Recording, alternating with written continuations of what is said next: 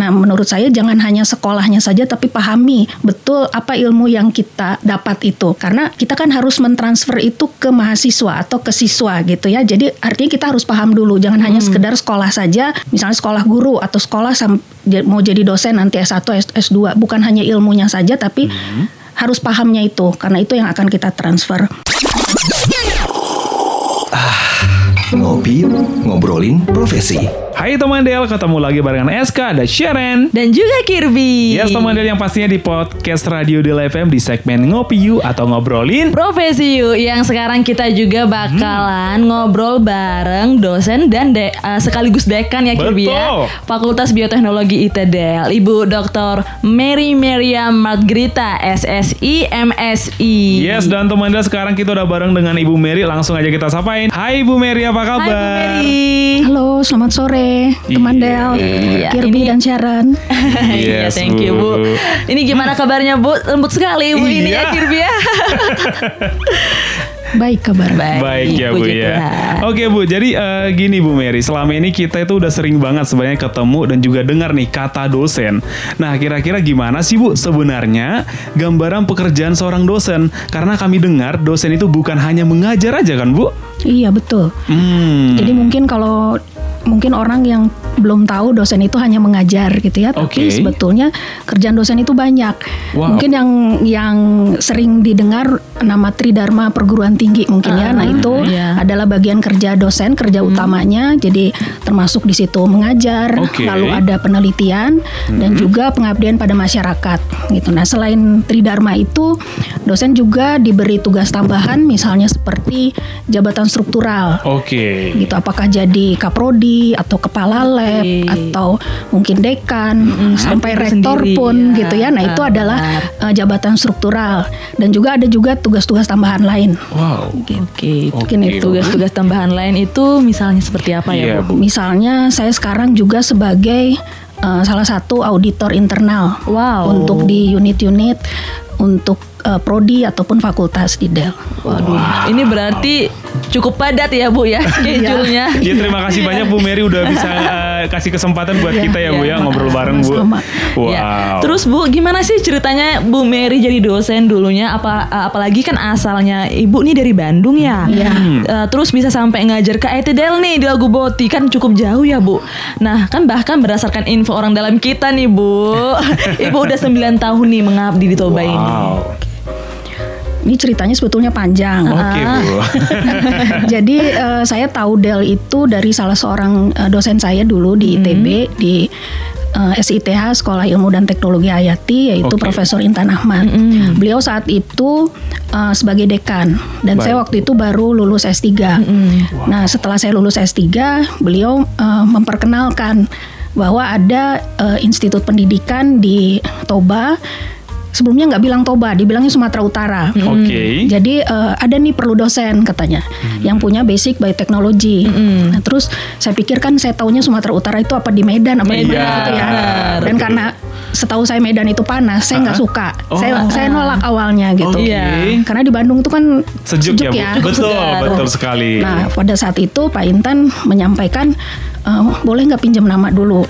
Karena kan eh, ITD waktu itu belum buka, jadi mau di assess kalau nggak salah waktu Oh, itu 2013 Yes. mau di assess. Lalu karena saya ada eh, sudah sebagai dokter, jadi bagus namanya untuk nanti keluar izin. Iya. Oke nggak masalah, saya bilang gitu. Tapi harus datang ke sana, hitung-hitung jalan-jalan kata bapak itu kan. Ayo, Baik. saya bilang gitu nggak ada Iya. ruginya buat saya gitu. Iya. Nah pas sampai di sini ternyata loh kok kayak di Bandung ya gitu. Wah. Iya, betul. Gitu. Jadi saya jalan-jalan lah keliling Del eh, setelah acara eh, assessment dikti itu kan. Oke, Bu. Saya jalan-jalan di Del terus balik lagi lah ke auditorium waktu itu acaranya. Saya balik ke situ. Pak Intan udah tunggu saya di situ. Heeh. Kamu ke mana aja katanya gitu kan. Gimana jadinya? Kata langsung tanya gitu. Oke, saya bilang gitu. Wah. Kok cepet? Karena selama di Bandung saya nggak pernah bilang oke sedikit pun. Saya selalu Wow. nggak mau. Oke. Kok cepet katanya keputusannya? Iya di sini enak ya kayak di Bandung. saya bilang. Langsung saat itu pun, ayo sekarang kita ketemu Pak Luhut karena ada Pak Luhut saat itu kan waktu assessment. Ya dibawalah saya ke Pak Luhut Pak. Dia udah mau kata Pak Intan gitu. Widih. Udah setelah itu ya udah diminta CV apa gitu diurus diurus ya saat itu. baik, Jadi keputusan saya karena oh di sini oke gitu Eh, udaranya sama kayak di Bandung. Bener. Iya, Bu. Jadi ya. bukan karena "Eh, gimana ya apanya apa prodinya apa saya belum tahu saat itu sama Oke. sekali nggak ada basic apa basic pengetahuan itu. Hmm. Pak Luhut siapa pun saya nggak tahu waktu itu. Oh, wow. saya tahunya karena kata Pak Intan eh, di sini ada subsidi untuk mahasiswa. Jadi saya impress dengan itu.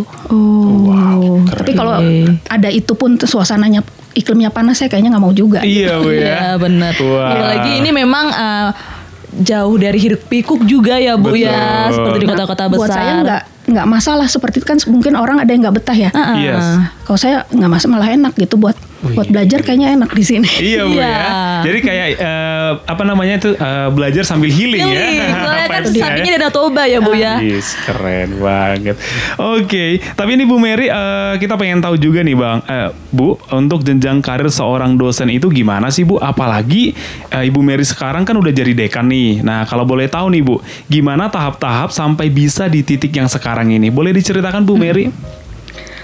Nah ini mungkin yang saya tidak melalui tahap-tahap.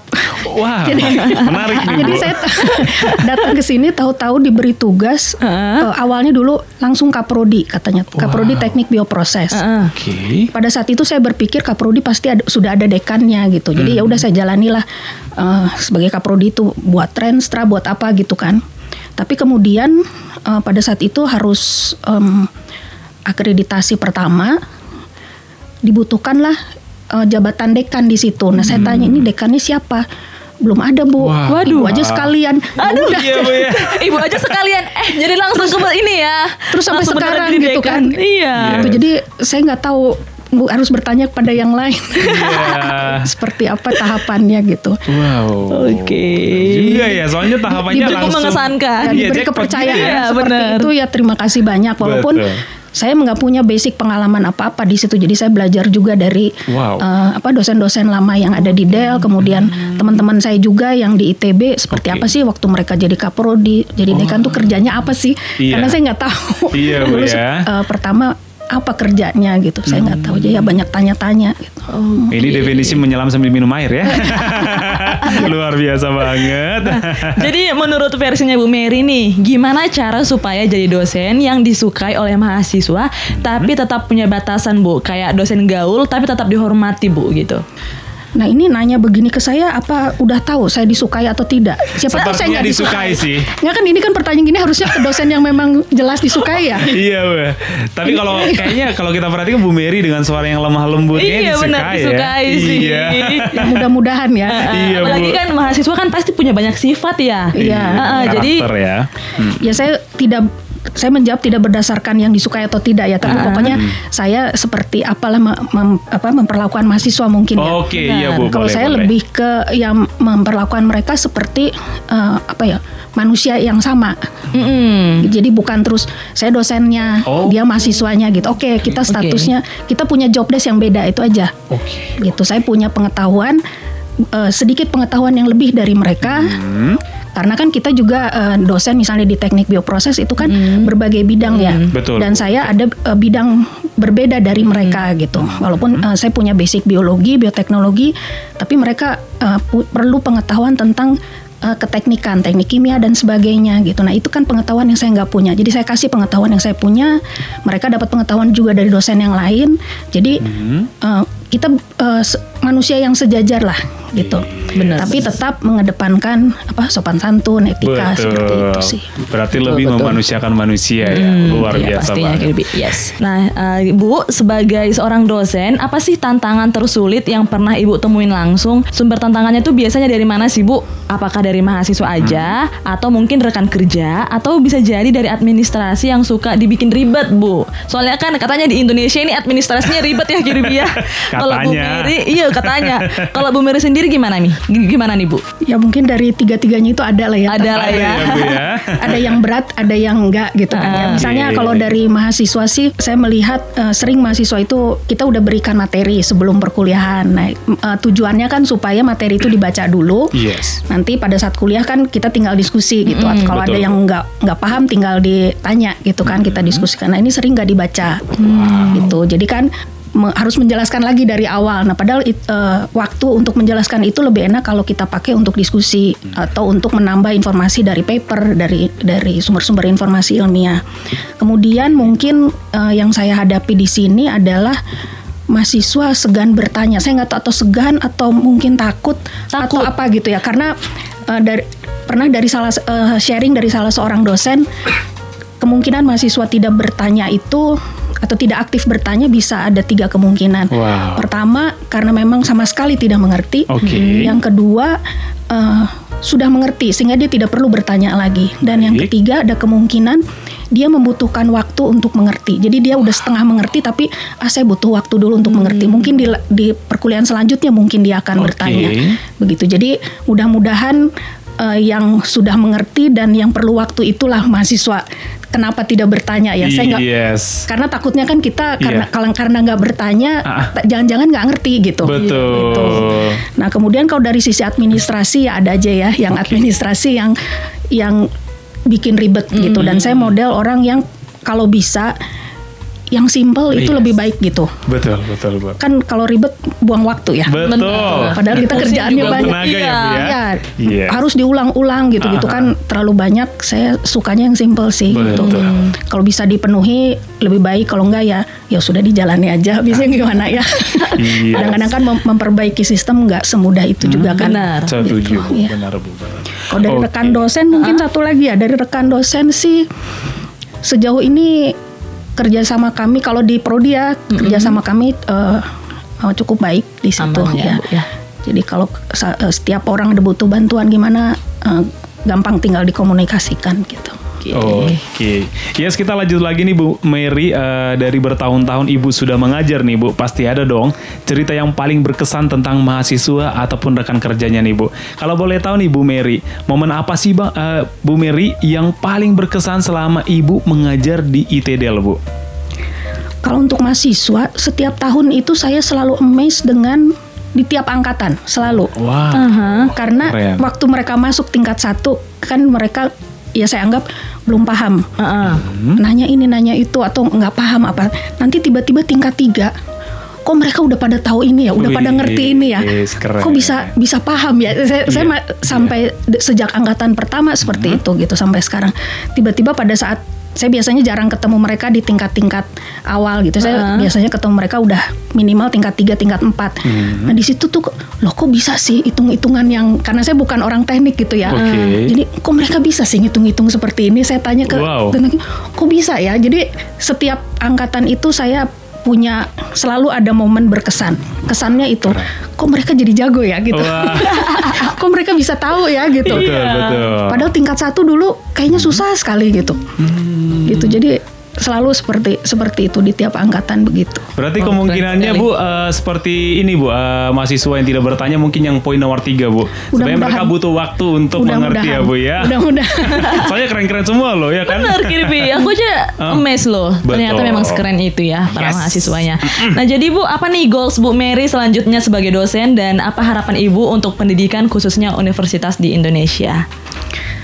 Oke, mungkin ini eh, disclaimer dulu saya bukan orang yang menentukan goals gitu ya. Berarti yang let it flow ya Bu?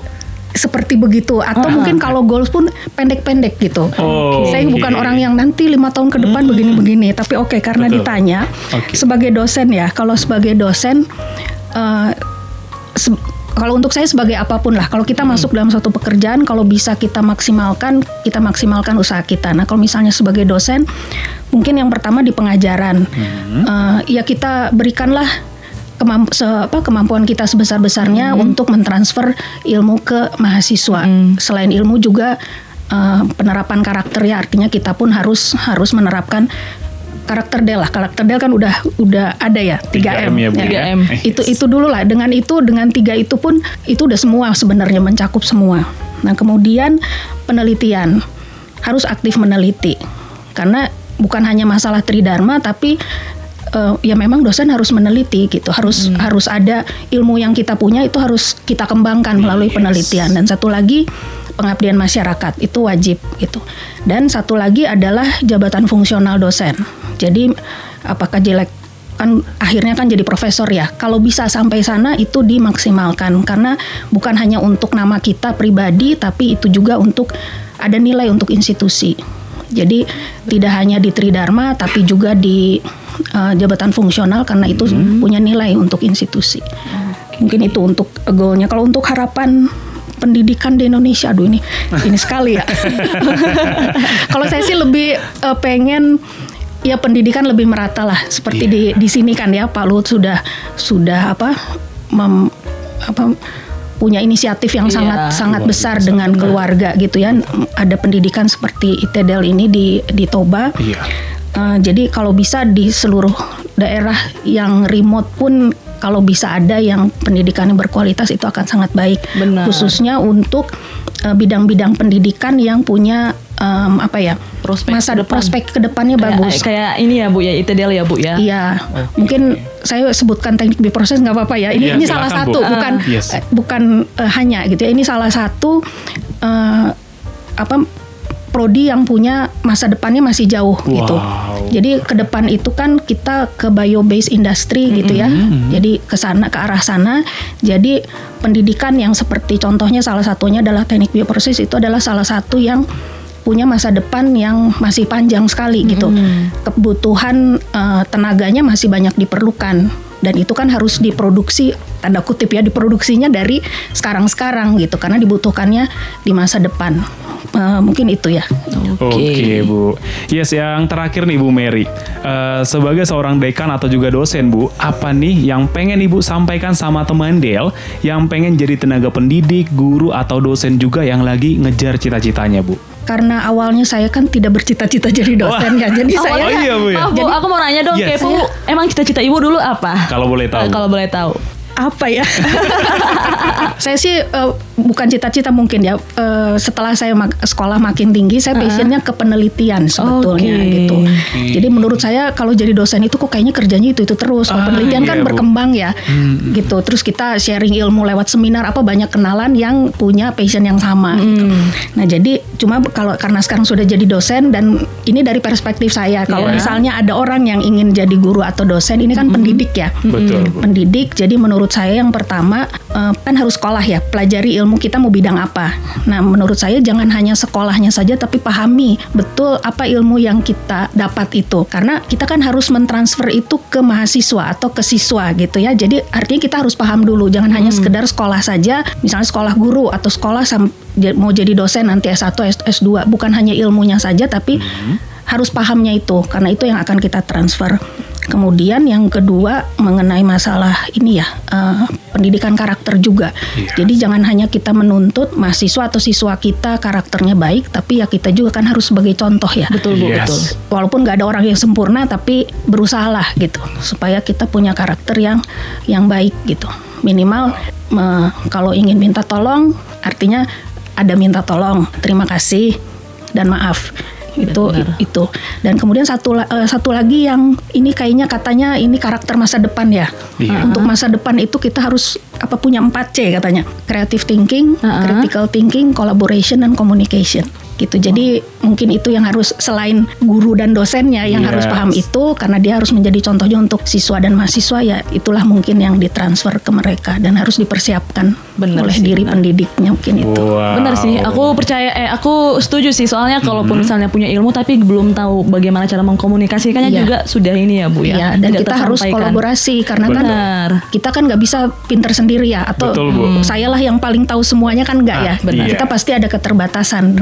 Jadi harus sering-sering lah ngobrol. Saya suka seneng ngobrol. Jadi tapi ngobrolnya kamu bisa apa sih? Apa jadi mungkin saya nggak paham saat itu ya. Hmm. Tapi kalau ada orang lain butuh kemampuan itu, saya bisa mengarahkan. Ih teman saya eh, paham loh tentang ini. Jadi nggak harus orang nanya ke saya terus saya nggak paham. Hmm. Iya, iya. Saya bilangnya saya nggak tahu Hmm. nggak begitu itu itu pesan juga dari dosen saya dulu jangan pernah bilang nggak tahu kalau orang minta tolong sesuatu kalau kita nggak bisa arahkan ke orang yang bisa makanya harus rajin ngobrol. Betul bu. Oke, keren sekali Kirby. Sebenarnya sih karena Ibu Mary ini rajin ngobrol dan kita sebenarnya kan pengen ngobrol lama ya. Cuma Ah. sayangnya durasi ya.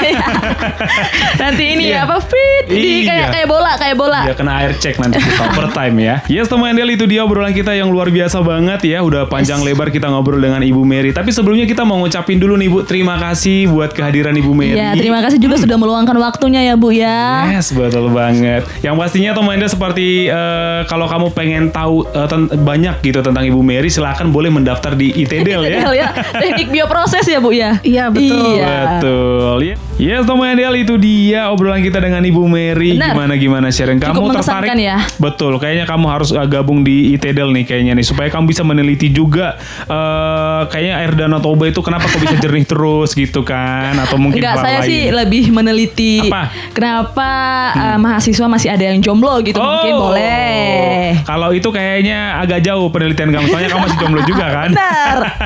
Aduh. Yes teman thank you banget buat kamu yang udah dengerin obrolan kita dan mungkin buat teman Del, ih bang kemarin aku belum sempat denger nih podcast yang sebelumnya, boleh denger nggak? Boleh. Hmm. Boleh banget. Hmm, langsung, aja. cek di Spotify kita teman Del. Yes atau enggak main aja ke websitenya kita di www.radiodelfm.co.id. Yeay, dan kalau mungkin misalnya kamu pengen nih Ada referensi. ada referensi atau permintaan misalnya Yes. eh, Kak bahas profesi ini dong, boleh. Nanti kamu tinggal eh, ngomong aja bareng kita, Hmm. langsung chat kita aja dari Instagram, dari WA, dari mana aja boleh. Pokoknya kamu tinggal Betul. ngomong aja ke kita. Yes, langsung aja kamu catat nomor WA kita 0811 6219924 nanti kita respon. Yeay. Yes, aku Giri Bismanjuta pamit teman Aku. Sharon Salahi pamit.